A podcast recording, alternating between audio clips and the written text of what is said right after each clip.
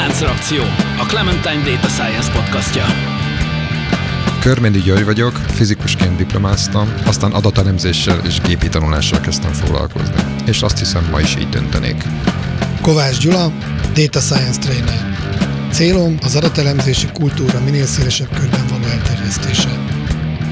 Könyves Tóth előtt vagyok, hivatalosan matematikát, programozást és pszichológiát is tanultam, de az életben azt is megtanultam, hogy a nem hivatalos tanulmányok éppen annyira fontosak. Póli Ferenc, digitális terméktervező, tanácsadó, startupper és podcaster, akiben évtizedek óta harcol a programozó és az újságíró. Szervusztok, kedves hallgatók! Ez itt a Láncreakció Podcast, annak is a 63. adása, és a szokott módon ugyanaz a társaság gyűlt össze, ugyanaz az asztaltársaság üdvözli most is kedvenc hallgatóit. Ezúttal szintén nyár van, szintén melegünk van, de ez nem akadályoz meg minket abban, hogy egy nagyon komoly témába kezdjünk bele, csak még mielőtt azt megtennénk, felteszek nektek egy kérdést.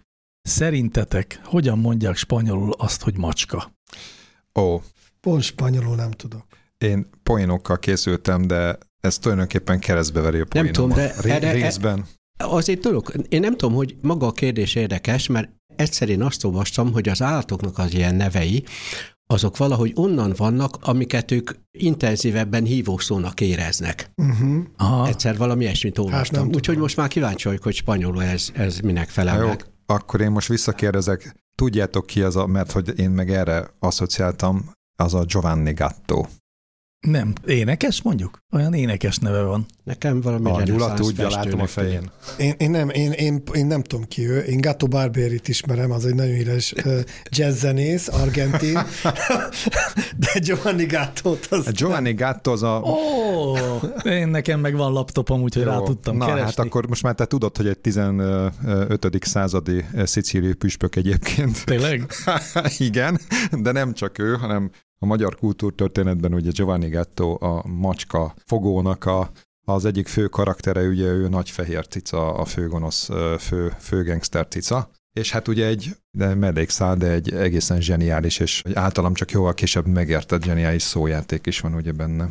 Így van, és ez a szójáték az, amivel én most készültem. Macska János igazából. Ugye. Igen, hiszen Giovanni spanyolul gatónak nevezik a macskát, E, Hát olaszul meg ugye gatto, tehát nyilván olaszul az meg gattó. angolul meg cat. Szép munka. oroszul meg kot. Igen, pont akartam kérdezni, Ne, hogy ki emlékszik még a orosz tanulmányére, valóban kot. Na szóval, hogy miért is jön ez elő? Hát mert a gatóról fogunk ma beszélgetni, de mi is az a gató? Mert nem a macska, és nem is a nagy fehér cica bűnöző, És nem is a jazzzenész. és nem is a jazzzenész, hanem a DeepMind-nak az egyik legújabb fejlesztése, vagy bejelentése, hát azt nem tudom, hogy a bejelentés mostanie, minden esetre egy viszonylag friss cucc, amit úgy szeretnek prezentálni, úgy szeretnek róla beszélni, hogy egy újabb lépés a generalista mesterséges intelligencia, vagy AGI irányába, amennyiben egy olyan agent, egy olyan mesterséges intelligencia ügynökről van szó, aki nem csak egy szűk területen képes valamit úgy csinálni, vagy arra hasonló módon csinálni, hogy az ember, hanem egy csomó mindent tud, közel 600 különféle taskot vagy feladatot tud végrehajtani. Ezek között van a csetelés, van az, hogy képeket tud feliratozni, de van az is, hogy egy robotkart irányít, amivel kockákat pakol egymásra, és ezt mind ugyanaz a gató tudja. Köszönjük a figyelmet, jövő héten újra jövünk. Túlságosan összefoglaltam volna ezt a Zseniális, dolgot? nem túlságosan zseniálisan. De hát azért ettől még ez baromi érdekes, már csak azért is, mert mi szeretünk itt arról beszélni, hogy már pedig generalista AI nem létezik, nem is fog létezni.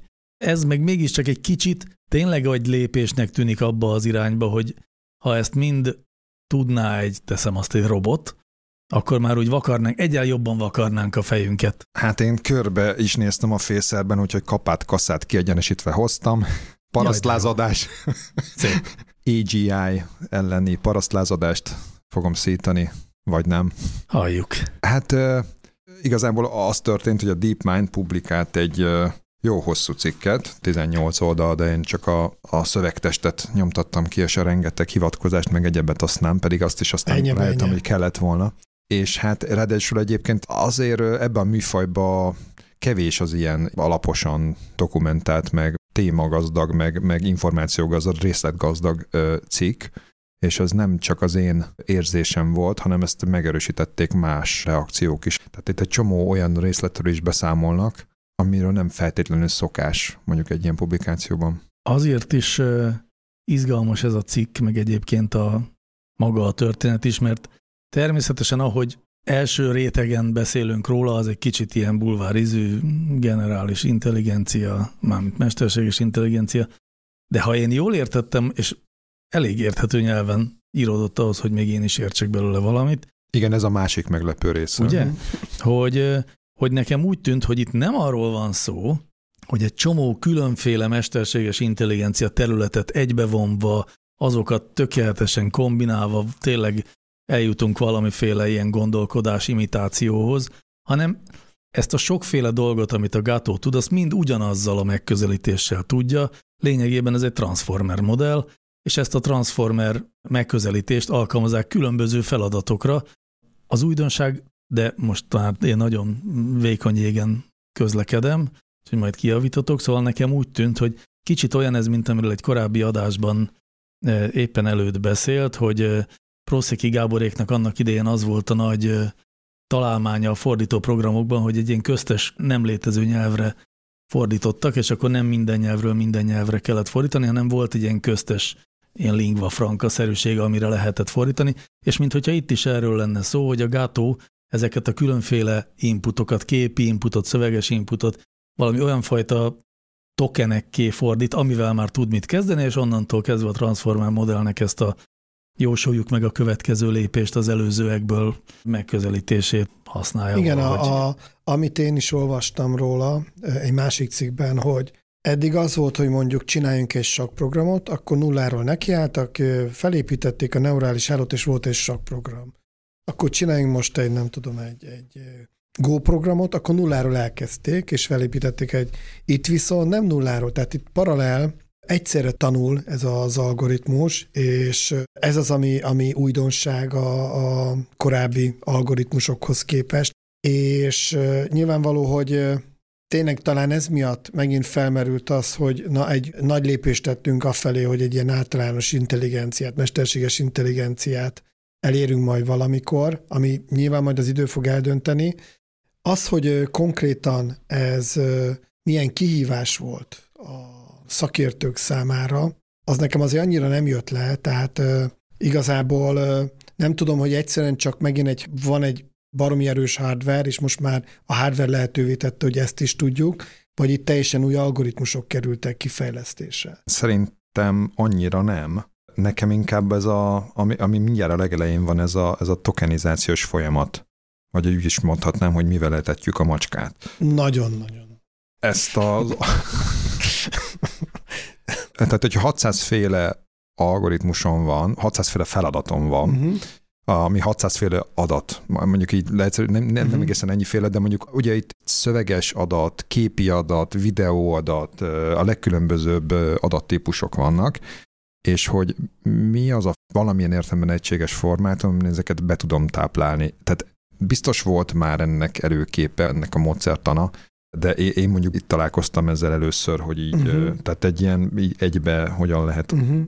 előállítani Uh-huh. és hát azt is röviden, de leírják, és akkor itt volt az, hogy még hivatkoznak valami B mellékletre, ami aztán már nem néztem bele. Szóval ez, ez kimondottan érdekelne, hogy hogyan lehet feltanítani, hogyan lehet, ezt nem, nem is teljesen értem, tehát lehet, hogy itt le is ragadtam. Annak kell, hogy megdicsértük, hogy nagyon érthető a cikk. Igen, de hát... Én nekem az egyedül az nem tiszta, hogy ez miben több, mint hogy van 600 különböző modellem. Hát abban, hogy megy a bemenet, és igazából azonosítja, hogy az mi valamilyen Mhm. uh-huh. értelemben, és annak megfelelő kimenetet Ja, is ad. Tehát, hogy gyakor- Mhm. gyakorlatilag Tehát ő, ilyen. ő, ő dönti el, hogy éppen most. Hát igen. Ugye ezek tulajdonképpen valami értelemben szimulált, mert most a Atari, nem tudom milyen játékot játszik, a pac vagy a Pongot, vagy nem tudom uh-huh. mit Mhm. játszik, azok az valamilyen szimulált adatok fognak oda bemenni, de Hát azért azt lehetne gondolni, mert nyilván úgy van valahogy felépítve, hogy tulajdonképpen az elejét meg a végét még mögé tenném, vagy uh-huh. elé tenném, meg mögé tenném, akkor utána tudna pongot játszani. Uh-huh. Tehát ezt most igazából valószínűleg nem csinálták végig, de az a, az a, a belső mozgató logika, az végül is működik benne. Uh-huh. Tehát amitől tulajdonképpen, hogy, hogy kap egy a pongnak valamilyen bemenetét, nálunk az a TV-tenisz, a TV-tenisz néven futott ugye, ugye annak idején az a játék, tehát, hogy valamilyen módon bemegy ez a bemenet, és mhm. valamilyen mm. módon uh, kijön a kimenet, amit, hogyha visszakötnék a videóton TV komputerre, vagy mi volt ez annak idején, akkor az tulajdonképpen tud, tudna, tudna pongozni. Hát még úgy is meg lehet fogalmazni a fő különbséget, hogy mondjuk van a másodfoka egyenlet megoldó képlet, hogyha valaki azzal old meg egy másodfoka egyenletet, akkor az egy általános dolog, de ha valaki ezt nem használja, és minden másodfoka egyenletre külön uh-huh. levezeti a saját megoldását, na az felel meg annak, uh-huh. hogy külön mesterséges intelligencia, ilyen szűk intelligenciák vannak. Ez meg ugye hogyha valaki használja a képletet, akkor az egy olyan általánosabb valami, és ilyen értelemben jogosabb is ez a kifejezés, jogosabbnak tűnik, mint hogyha a szűk intelligenciák összessége lenne. Igazából, a, ami miatt ez az egész számomra érdekes, az egy kicsit tágabb kontextus, Méghozzá van két nagy laboratórium, AI laboratórium, az OpenAI és a DeepMind, és nekem azt tűnt fel, és erre rá is kerestem, hogy mint hogyha ez a két laboratórium versenyezne egymással. Tehát, mint egy autógyártó cégek, hogy most épp ki mit hoz ki az új modellben. Gyakorlatilag ez az egész AI verseny nekem úgy tűnik, hogy az IBM kezdte annó már a Kasparov féle sakprogrammal, az volt egy nagy hírérték, aztán volt ez a milyen műveltségi játék? Jeopardy. Jeopardy, amivel megverték ugye az embert műveltségi vetélkedőn, és ennek volt mindig egy olyan üzenete, hogy ki a number van AI szállító a világon és ezek a hírek sokáig az IBM házatájáról jöttek, hogy aztán a 2010-es években megjelent a DeepMind. Gyakorlatilag a Google-nek a laboratórium, azt hiszem ők ezt felvásárolták, tehát nem saját maguk hozták létre, ez fontos, mert majd látni fogjuk, hogy van más fajta képződmény is. Felvásárolták ezt a céget, és nyilván nagyon-nagyon erős PR üzenete volt, amikor megverték a világ legjobb koreai gójátékosát, az AlphaGo-val, és ott hirtelen az a kép alakult ki, hogy na most a number van, AI laboratórium, a Google-nél van, és utána még hoztak ki ehhez hasonló sikertörténeteket. Ugye magas sakban is elég komoly sikereket értek el, hogy aztán létrejött nem sokkal később, azt hiszem 2015 után valamennyivel, vagy tám pont akkor az OpenAI, a Muskhoz kötik, de a sztoriban igazából Microsoft az érdekes, hogy ők is emögött vannak. De azt hiszem, hogy ő azért a, egy kicsit később Igazából az egy srác, meg egy, egy csapat, csak most nem tudom a nevét. Sam Altmannak hívják. Sam Altmannak, ja, persze már beszéltünk róla, igen, igen, igen, korábban is. De valóban ő Elon musk közösen álmodták meg ezt a dolgot. És a Microsoft az később, később érkezett, de, de, viszont... de lényegében bevásárolta magát az, azzal, hogy iszonyú mennyiségű Azure számítási kapacitást ajánlott fel az OpenAI-nak. Meg pénzt, egy milliárd dollárról olvastam nem. De szerintem ez összefügg a kettő. Én úgy emlékszem, hogy egy milliárd dollár értékű, értékű. számítási Aha. kapacitás, de tulajdonképpen mindegy is. Aha. Azóta hajlamosak vagyunk a Microsoft zseb AI intézményének tekinteni az OpenAI-t, ha bár az továbbra is egy független szövetség vagy szerv. Majd erre még térjünk vissza, térjünk vissza, mert ugye létrejött ez a csapat, és robbantak a GPT-2-vel, meg GPT-3-mal. És már is kihívója akadt a DeepMind-nak, jó, de egyébként időközben a, a Google-nek is megvoltak ugyanezek a BERT meg a társai hasonló Transformer. Uh, abszolút, de itt volt egy én verseny. azt gondolom, hogy, hogy ezek talán kevésbé voltak olyan módon marketingelve. Szemben... Nem, más volt a filozófia. Az OpenAI-nál ugye az volt a mondás, hogy megcsinálják ezeket a szuperalgoritmusokat, amit utána használhatnak mások. A DeepMind megoldásai azok zártabbak voltak, tehát nem voltak annyira publikáltak, meg elérhetővé téve a, a sokaság számára. Más volt a filozófia. De csak volt. Illetve csak a, szerintem csak a duma volt ez az elején, mert szerintem sose gondolta senki komolyan azt, hogy ez, meg hogy ilyen léptékű fejlesztések, ezek, ezek nem kerülnek nagyon sok pénzbe. Tehát nekem egy kicsit bajom is van ezzel a farizeus hozzáállással, az OpenAI részéről, mert mindig is arról volt szó, hogy azért ők is előbb-utóbb pénzt akarnak ebből csinálni, tehát egy, egy darabig jó volt ez az Open uh-huh. része a dolognak, de aztán, aztán valójában azért amikor lehet, amikor olyan technológiát tudnak letenni az asztalra, ami, ami valamilyen értelemben pi- piacképes, akkor, akkor fognak érte pénzt kérni, az ki is derült. Egyfelől. Másfelől meg az van, hogy azért a pozitív oldalát is emeljük ki, hogy azért itt egy csomó dolgot valójában, valójában azért mind, a, mind az összes ilyen csapat azért, azért publikál és megoszt. Tehát mhm. azért ez most ez egy kettős játék, Hadd tegyen még egy, egy ilyen kis oldalvágásként, hogy mondjuk, mondjuk amennyire tudom, a kínai ilyen, ilyen agytöröztök, amennyire én látom, jóval kevésbé osztanak meg ilyen információkat. Valóban erre még vissza fogok térni. Hogy ez mennyire így van, hogy a GPT-3 az a nevével ellentétben abszolút nem open source, ha jól tudom, csak Azure-en keresztül lehet használni. Tehát a Microsoft, hogy hogy nem, benyújtotta a számlát, és pont ezért egy valódi open source konkurens neurális háló elkészült, ami nem, akkor, nem akkora, mint a GPT-3, de teljesítményben nagyon-nagyon közel van hozzá, amit viszont tényleg bárki használhat, legalábbis jelenleg. De a lényeg az, hogy a GPT-3-mal nagyot, nagyot homorított az OpenAI, ez tényleg mindent vitt, tehát erről szólt a sajtó, mi is erről elég sokat beszélgettünk az elmúlt egy év alatt, hogy aztán még egy nagyobbat durrancsanak, ez volt a Dolly 2, erről is beszéltünk, és erre most ugye kijött a DeepMind a Gatóval, nem tudom, ez is egy viszonylag friss publikáció, jól tudom. Ez annyira friss, hogy még ropog. Még ropog. Hát ez a, most itt, ahogy ülünk, azt hiszem, hogy ilyen három hete vagy négy hete jelent Aha. meg. Május 19. Na és hogy nem csak az én fejemben merült fel, hogy itt úristen, nem arról van szó, hogy a két gigász harcol, meg versenyez, meg küzd egymással. Rákerestem, és erről nagyon komoly cikkek vannak, amelyek ezzel foglalkoznak, hogy OpenAI beelőzte a DeepMind-ot, vagy, vagy visszaelőzte a DeepMind az OpenAI-t, tehát jól láthatóan dübörög a marketing a két cég, nevezzük őket cégnek, két cég mögött, és ha már így van ez a két nagy marketinggel rendelkező AI laboratórium, megnéztem, hogy van-e más is. És a szakértők szerint a harmadik legnagyobb, vagy a top háromban még egy van, ez a FAIR, ez a Facebooknak az AI laboratórium, ami viszont tényleg nem nagyon publikál, de aki benne van a szakmában, azt mondják, hogy ott nagyon komoly kutatások vannak, és még megemlítik továbbra is az IBM-et, az Amazont, és eh, mindenki megemlíti, hogy és ki tudja, mi van a kínaiaknál. Tehát a kínaiaknál biztos, hogy vannak nagyon komoly laboratóriumok, de senki nem tud róluk semmit. Vagy nagyon szűken, mint ahogy a Gyuri is említette, ilyen nyíltsággal publikációk nagyon ritkán jelennek meg.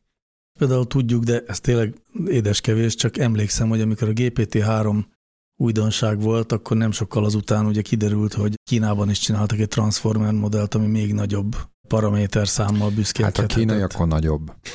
Mert ha valami kínai, akkor vagy nagyobb, vagy sokkal kisebb. Ugye ez a kettő szokott lenni. Az a japán. az a régi japán. Igen, igen. Igen. Szóval, hát ez van. Mindegy szerintem az sokkal érdekesebb, hogy vajon mi szüksége van ennek a két nagynak arra, hogy egy ilyen marketing háborút vívjon. Van egy olyan halvány megérzésem, hogy ezt a marketing háborút nem a két nagy AI laboratórium vívja egymással, hanem a sajtó találja ki, vagy szóval a sajtó generálja tulajdonképpen. Ők csak megjelennek a kutatási anyagaikkal, és aztán az, hogy ez hogyan harc és hogyan nem harc, azt meg inkább csak az újságírók vizionálják oda. De gondolkodjunk rajta egy picit, hogy vajon mi szüksége lehetne ennek a két nagy cégnek arra, hogy ilyesmi legyen. Az, az OpenAI-nak van for-profit részlege, uh-huh. ezt tudom.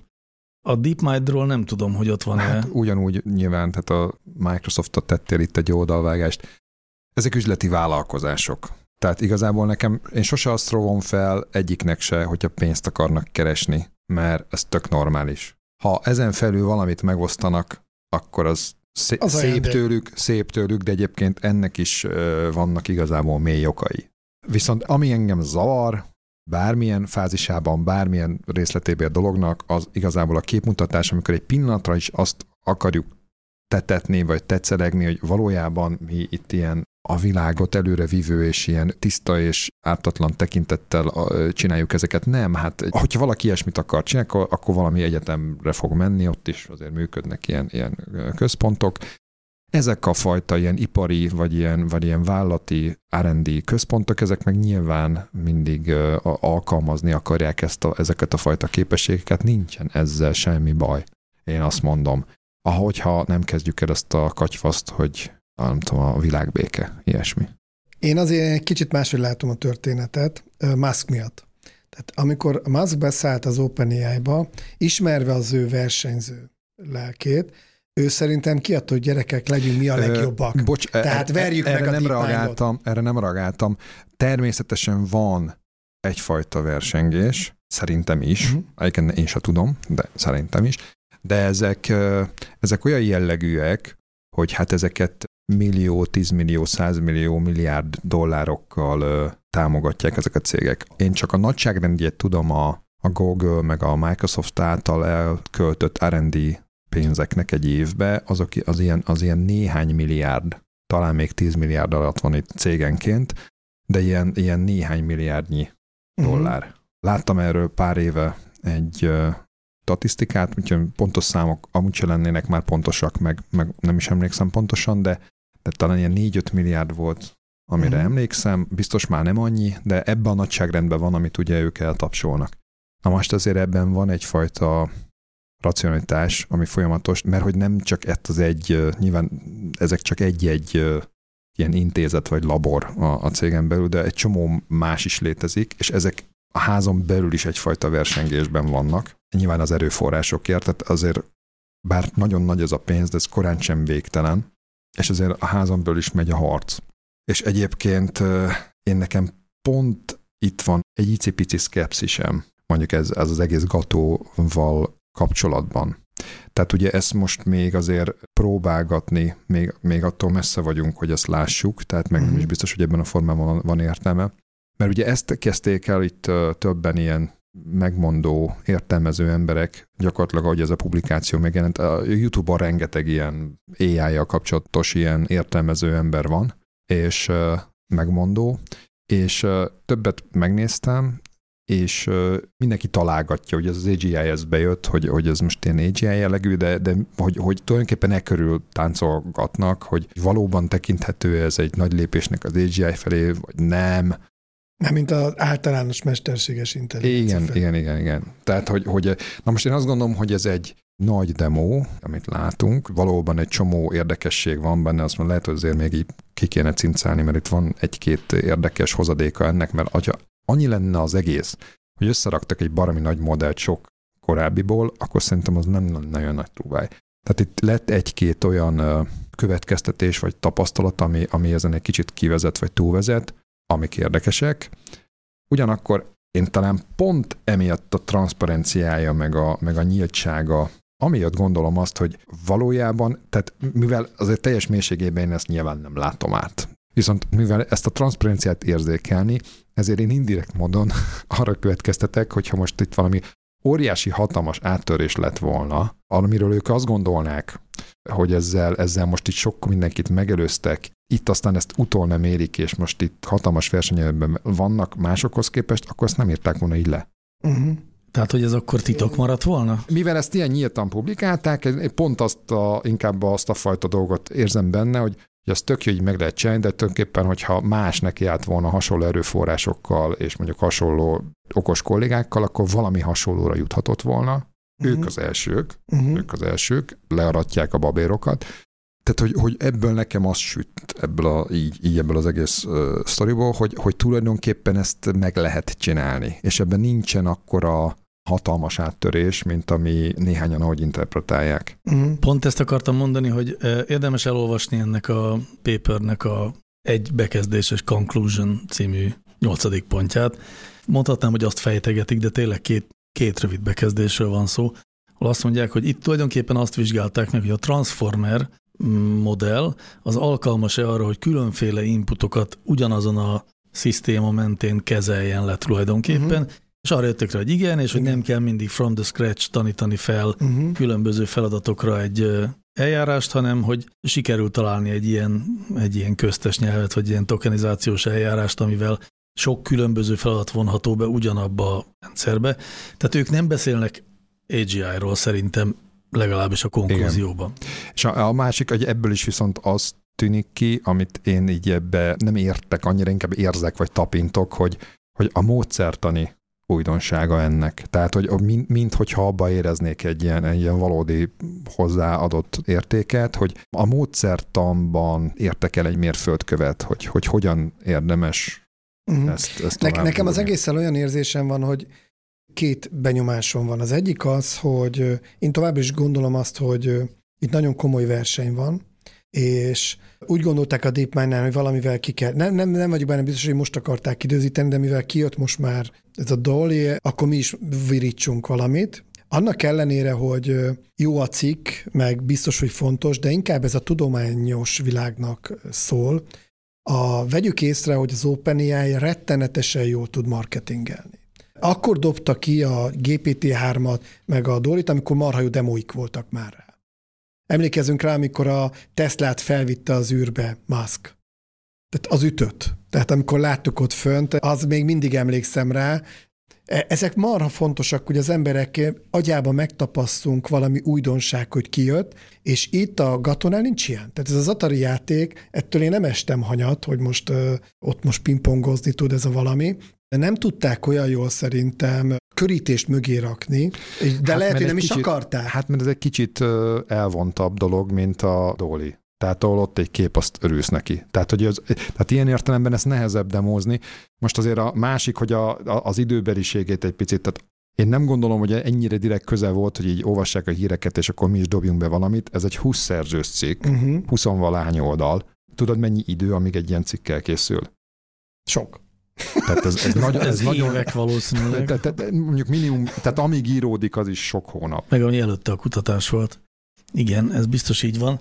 Én láttam még egy érdekességet benne, ami visszaköthető oda ahhoz, amit Püri mondott, a módszertani újdonság, hogy ugye azt tudjuk, hogy a GPT-3, hú, most nem akarok hibásat mondani, ezért inkább ide nézek. Igen, tehát 170 milliárd paraméterrel dolgozik. 175. 175 milliárd. A, a legnagyobb, a legnagyobb. A legnagyobb. Na, a Gato ehhez képest 1,2 milliárd mindössze. Uh-huh. Tehát, hogy ez egy sokkal kisebb transform, és ugye van most egy ilyen trend, hogy... Igen. És erről érdemes is egy kicsit beszélni, mert minthogyha lenne egy olyan különbség is az OpenAI és a DeepMind között, hogy míg az egyik az a felskálázásban hinne, vagy abba az irányba tenne nagyon erős lépéseket, és hogy az egyre nagyobb, egyre nagyobb számítási kapacitást felemésztő, de ettől okosabb megoldások felé nézelődne, addig a másik pedig keresi inkább az ilyen, hát ahogy ezt egy Reddit posztban olvastam, vagy Reddit ilyen kérdés, uh-huh. vagy vitaindító posztban olvastam, ott inkább a valahogy az emberi agynak a funkcióit igyekeznek szimulálni különféle módokon, és nem pusztán a ilyen brute force megközelítéssel egyre nagyobb eszközök bevetésével dolgoznak. Ez utóbbit mondják a DeepMindról, ugye, és a felskálázásban hívő, milyen érdekes, hogy az Azure van mögötte, ami ugye olyan felhő megoldás, amiben bárkinek lehet bármekkora számítási kapacitása. Nem, nem a megcáfolás szándékával, mert ettől még ez lehet, hogy igaz, de a Google például azt a Palm algoritmust, amit kijött egyébként, ennek 500 milliárd. Ja, tehát ők is megpróbálták ezt. ő nekik, ők is tudnak nagyot. Ők tehát, is tudnak hogy, nagyot lokni, aha. Tehát ezt, ezt megmutatták. De azért ezt hozzátenném, hogy lehet, hogy említettem, de még egyszer ezt elővenném, hogy ugye nemrég voltam egy Machine Learning konferencián, és ott több eladáson is konkrétan mérték, műveleti sebesség, stb. mellett volt még egy mutató, a karbonkibocsátás. Tehát ez nyilván ez, ez most divat. Hát nevezhetjük annak is, hogy... De, de, mi van? Mi de, van? De el tudom képzelni, hogy lesz egy olyan irány a mesterséges intelligens kutatásnál, hogy, hogy zöld AI. Ja, biztos. Green AI. Tehát, hogy, hogy tized annyi neurális, tized akkora neurális hálót építek, ami ugyanazt tudja, mert az tized annyi energiát fogyaszt.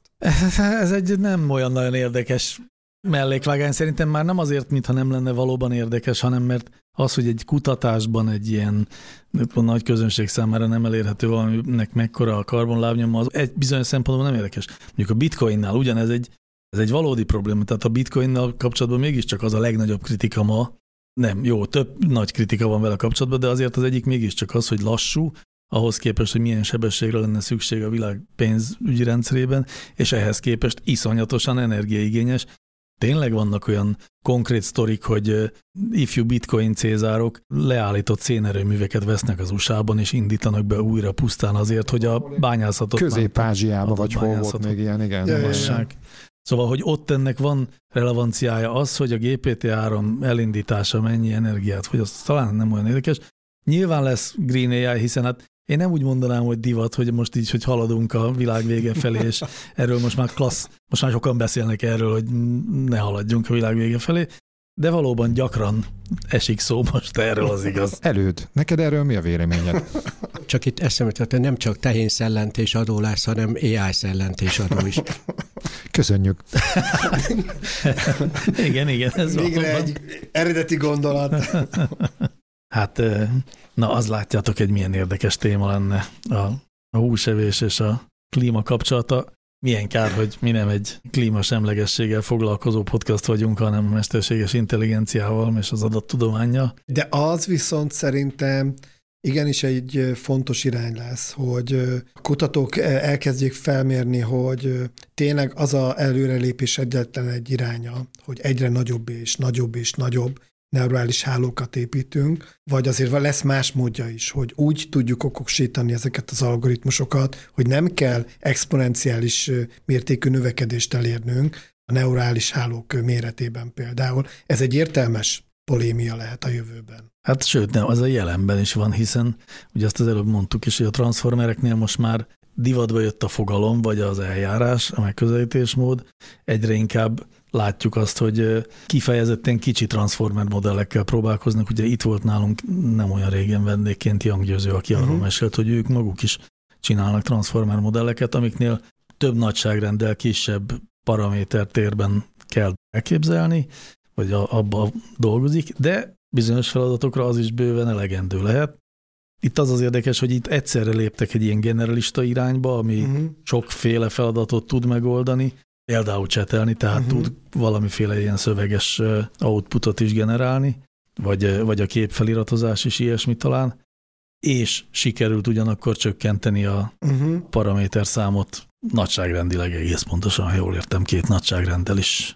Egyébként, ha jól emlékszem, pont néhány adásra, nem jó néhány adásra előtt emlékeztek a szita kötő agyát modellezték, és pont az volt a cél, hogy egy egészen bonyolultnak tűnő problémát tök pici neurális hálóval tudták modellezni, mert a szita kötő ebben rohadt jó volt. Célfeladat volt, de nem kellett egy gigantikus modellt felépíteni. Látszik olyanok ezek a algoritmikus ügyeknek a fejlődése, mint a technika fejlődése. Tehát ott is ugye lehet konkrét célgépeket csinálni, meg céljátékokat, de, de lehet olyan alkatrészeket is csinálni, amiben minél több fajta gép fölépíthető, vagy nekem a kedvenc példám erre a Lego játék. Tehát, hogy, hogyha nagyon jól vannak alapelemek megválasztva, akkor uh-huh. abból sokfélét lehet építeni. Most ez úgy jön a mesterséges intelligencia algoritmusokhoz, hogy hogy ott is ugye van ami a szűk mesterséges intelligencia, hogy konkrét feladatokat megold algoritmus, ezek helyett viszont lehet elemébb algoritmusokba gondolkodni, amikből aztán meg többféle felépíthető. Most itt nyilván e a törekvés felé hajlik, hogy, hogy nem egy konkrét uh-huh. problémára egy konkrét megoldó algoritmus, hanem elemébb lépéseket, uh-huh. amiknek sokfajta algoritmus következménye lehet. Hát igazából a következő lépés szerintem az, hogy már nem is kell tanítanunk. Tehát, hogyha van egy problémám, akkor az algoritmus felismeri, hogy a panelekből már tud-e válaszolni, vagy hozzákeres egy adatbázist, és megtanulja, és akkor már az adott problémára is tud válaszolni. De ebben a pillanatban megérkeztünk oda, hogy kell tanítani.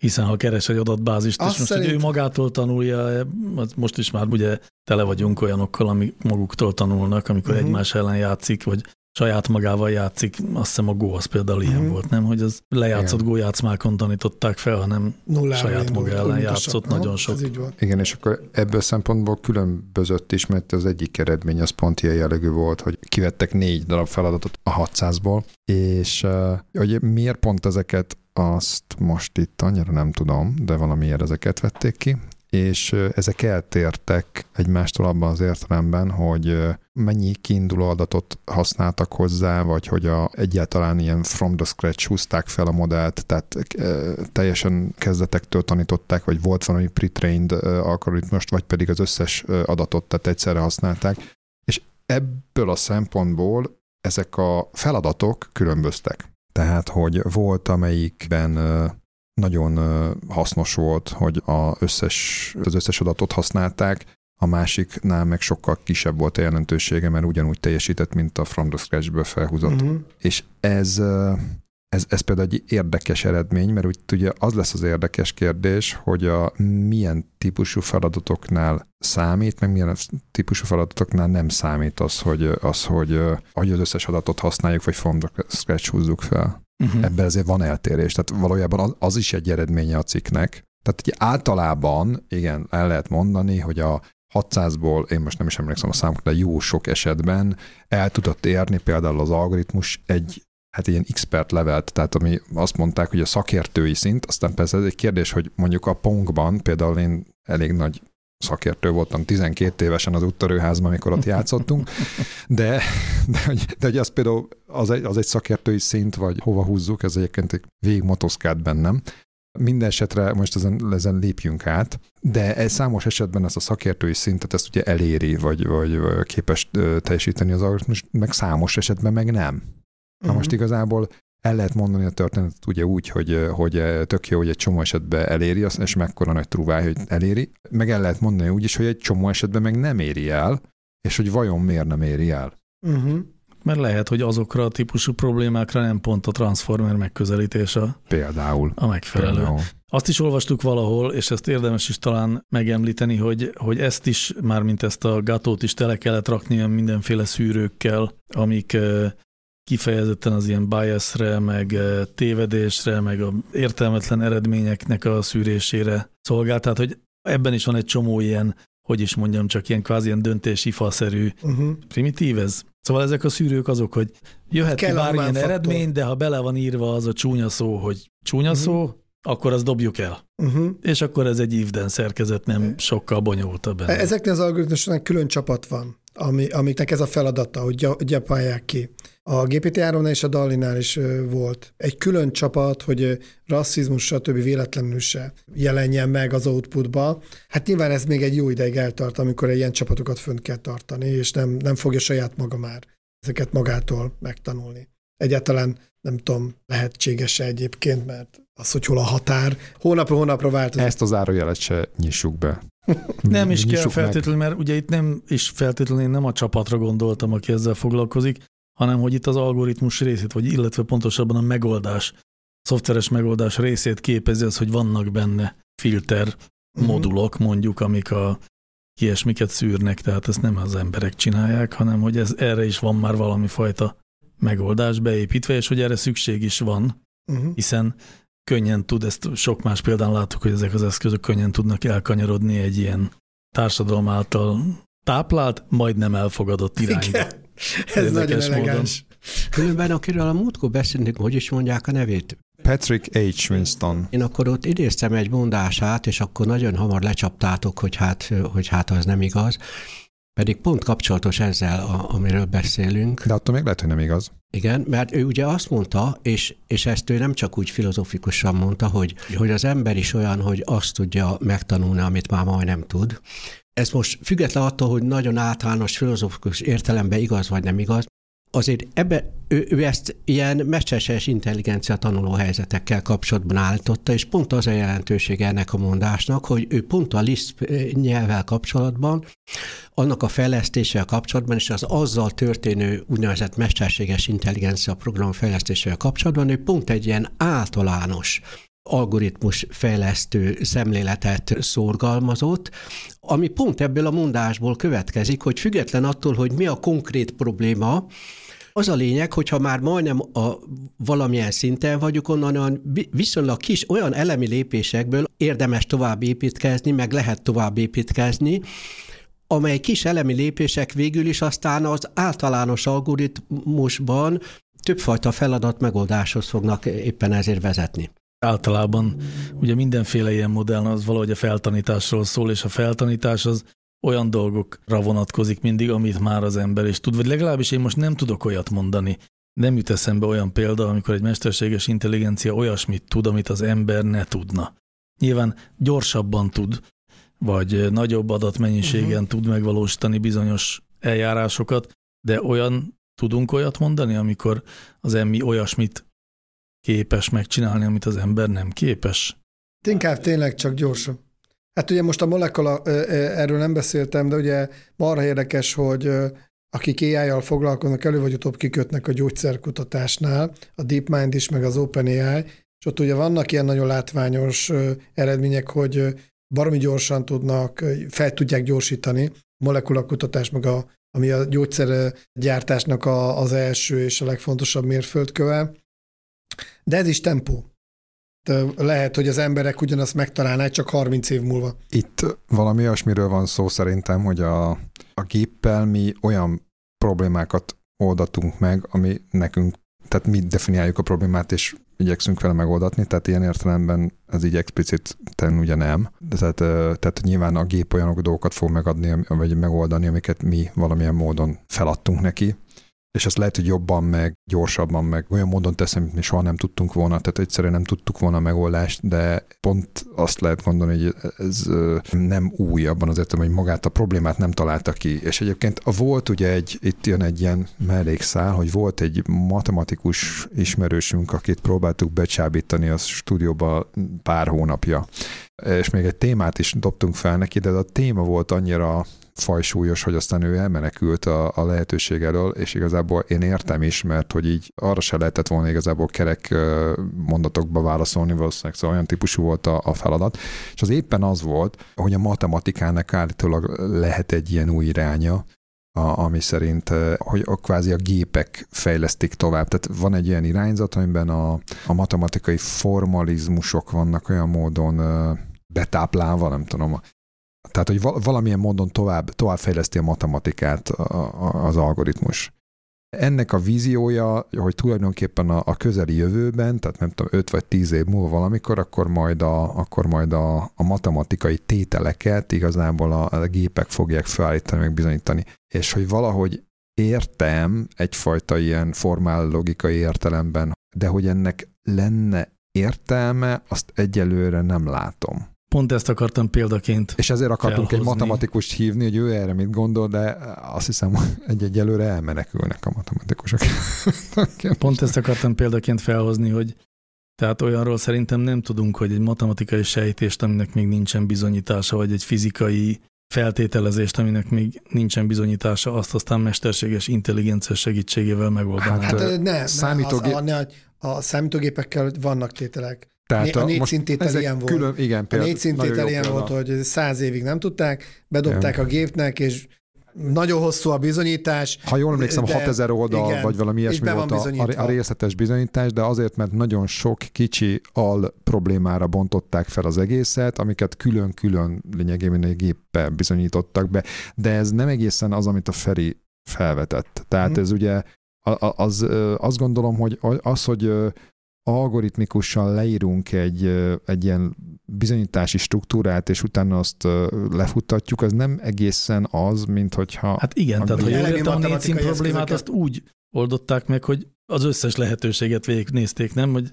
Hát majdnem. Vagy szóval nagyon tehát sok lehetőséget megnézték. Tehát, na, erre, erre gondolok. Tehát természetesen próbálgatással, mint ahogy mit tudom, vannak numerikus módszerek is, hogy hogy, hogy hogy vonunk gyököt számítógéppel, hát nem úgy, hogy kiszámoljuk, hanem hogy van egy ilyen numerikus módszer, hogy egyre közelebb kerülünk a megoldáshoz, és ha öt tizedesig elég, akkor az valamennyi ideig tart. De ez, szóval ne, tehát nem de ez bebizonyította. Tehát ez a matematikusok által elfogadott bizonyítás volt, ami Jó, értem. Csak nem az az elegáns, amit a múltkor beszéltünk, hát az, az erdős, erdős féle. Erdős az nem biztos, hogy azt mondta volna, hogy ez van a könyvben. És a, a fermat sejtéseknél is volt, ahol a számítógép volt az, ami seg, besegített. Tehát vannak ilyen híres sztorik, meg valószínűleg ez, ez erősödni fog, tehát lesznek olyan tételek, ahol tényleg egyszerűen végig kell darálni egy rakatágat, és egy matematikusnak nincs annyi ideje, hogy ezt végigcsinálja. De, de az, amiről beszélgetünk, hogy egy új minőségi tételeket állítanak fel, amiről ember nem is gondolta volna, hogy egyetlen megfogalmazni érdemes egy ilyen problémát, attól szerintem még baromi messze vagyunk. Jól van, akkor ezek szerint még lesz lehetőségünk arra hosszasan, hogy ebben a podcastban nyitott kérdéseket tegyünk fel, és aztán keressük rájuk a válaszokat. Ezen a héten is ezt tettük, amihez a hallgatók figyelmét nagyon köszönjük.